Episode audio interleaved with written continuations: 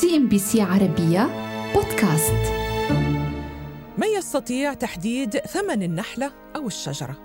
وإلى متى سيستمر استبعاد التنوع الحيوي للطبيعة كعامل مهم في تحقيق أرباح الكثير من الشركات؟ فالبشرية ازدهرت بدرجة هائلة في العقود الأخيرة غير أن الوصول لتحقيق ذلك كان بتكلفة مدمرة في حساب الطبيعة. إذا يجب أن تتحمل الشركات حول العالم جزءا من فاتورة حماية الطبيعة بشكل أكثر فاعلية وضمن ضوابط رقابية. هذا ما يطالب به نشطاء ومنظمات دولية لحماية البيئة، كما ويشيرون إلى الخلل الحاصل في مجال توزيع الاستثمارات. ففي الوقت الذي تستفيد فيه قطاعات مثل الطاقة الأحفورية أو الزراعة المكثفة ذات الآثار السلبية على احترار المناخ، يستمر النقص في تمويل برامج حماية البيئة، فيما تجمع تلك القطاعات المخربة للمناخ عشرات المليارات من الأرباح سنوياً. وفيما يبدو أن طريقة احتساب النمو الاقتصادي على مستوى العالم تحتاج إلى مراجعة شاملة هذا ما خلص إليه تقرير أعده مجموعة من الخبراء الدوليين حول الجوانب الاقتصادية والصحية وكذلك الاجتماعية للنمو الاقتصادي. وحذر التقرير الذي كان تحت إشراف أستاذ الاقتصاد في جامعة كامبريدج بارثا تاجاجوتا وبرعاية الأمم المتحدة. حذر من أن تعطش البشرية لتحقيق هذا النمو يأتي ضمن تكلفة مدمرة للطبيعة. خلص التقرير إلى أن نصيب الفرد من الناتج المحلي الإجمالي تضاعف منذ العام 1992 غير أن رأس المال الطبيعي تراجع بنسبة 40% عن كل شخص في العالم. والمقصود هنا أن الأرباح التقديرية المستقاة من الخدمات المتاحة طبيعياً هي في تآكل متواصل بسبب التخريب الذي تلحقه أعمال البشر بكوكب الأرض. كما واشار التقرير إلى أن النماذج الاقتصادية القائمة على النمو حصرا لا تدمج مساهمة التنوع الحيوي في حساباتها. وفي إطار متصل لفت معدو التقرير إلى أن الخطط الاستراتيجية التي غالبا ما تعتمدها الدول تفاقم المشكلة من خلال دفع الناس لاستغلال الطبيعة أكثر من حمايتها. داعين إلى استبدال طرق الاحتساب التقليدية لنمو الناتج المحلي الإجمالي بطرق أخرى تقيس مدى الرخاء الاقتصادي من خلال أخذ الخدمات التي تقدمها الطبيعة للبشر في الاعتبار. لأن تحقيق نمو أكثر استدامة يتطلب تغييرات بنيوية تشتمل خصوصاً العمل على تقليص الانبعاثات الكربونية في أنظمة الطاقة بالاعتماد على تنسيق عالمي من صناع السياسات.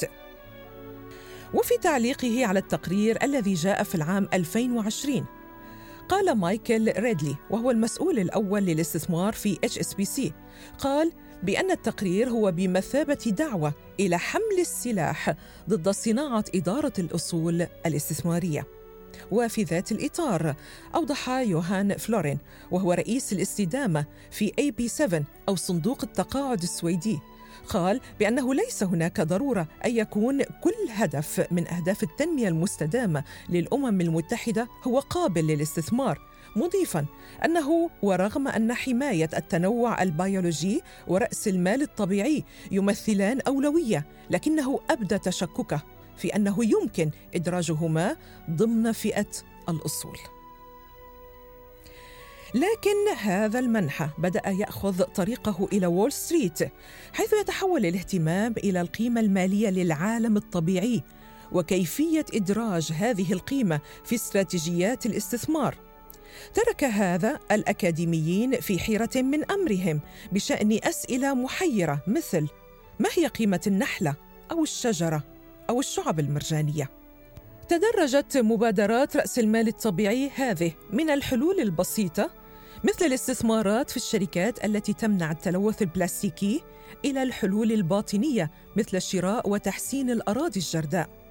على المدى الطويل تأمل شركات وول ستريت بإنشاء مجموعة متنوعة من الأصول المرتبطة بالطبيعة بدأت البنوك أيضا في تضمين الأهداف المستندة إلى الطبيعة في القروض المرتبطة بالاستدامة.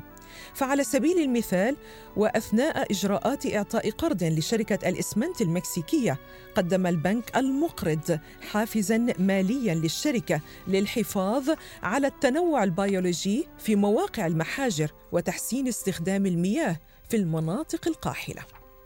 هذه الطريقة بالتفكير ما تزال تثير الكثير من الجدل. حيث يرى العديد من النشطاء المدافعين عن المناخ أن فكرة كسب المال أو توفيره مقابل رفض تدمير العالم الطبيعي هي لعنة حسب توصيفهم.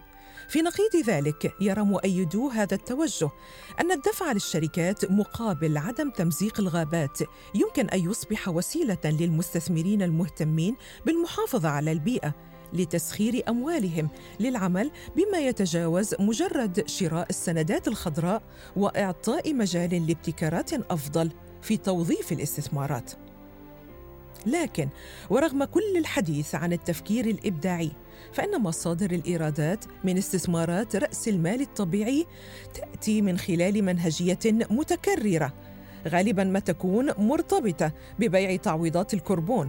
كونها وسيلة باتت مألوفة ويمكن شراؤها لتعويض عما يتم التسبب به من أضرار حيث أنه من المفترض أن تتولد تلك الإيرادات عن طريق المشاريع التي تقلل من حجم الكربون في الغلاف الجوي. ويشير قسم إدارة الأصول في HSBC بأن أحد العوائق التي تحول دون تطوير منتجات مالية أكثر ابتكاراً مرتبطة بالطبيعة هي صعوبة تقييم الموارد الطبيعية بدقة. لكن غريتشن ديلي وهي مديرة هيئة التدريس في مشروع رأس المال الطبيعي تعتبر أن الأمر يتجاوز مسألة التقييم وبرأيها أن وضع ثمن للطبيعة لا يكفي للحفاظ عليها وتقول في هذا الصدد حين نحدد قيمة لكل الأشياء فإن هذا لن يفعل شيئا على الإطلاق في غياب السياسات الفاعلة وبعض الآليات لدفع الاستثمار إلى تأمين رأس المال الطبيعي. وردا على ذلك صرحت ديان كويل وهي أستاذة السياسة العامة في جامعة كامبريدج والتي تعمل على مشروع لتقييم رأس المال الطبيعي. حيث قالت رغم أن الكثير من نشطاء المحافظة على البيئة لا يحبذون وضع علامة الدولار أو الجنيه أمام أكبر عدد ممكن من الأشياء كما يفعل المشتغلون بالاقتصاد. لكن إذا لم يتم تحديد قيمة نقدية فأنت تضع صفرا. وهذا بالتأكيد إجابة خاطئة. سي إم بي سي عربية بودكاست.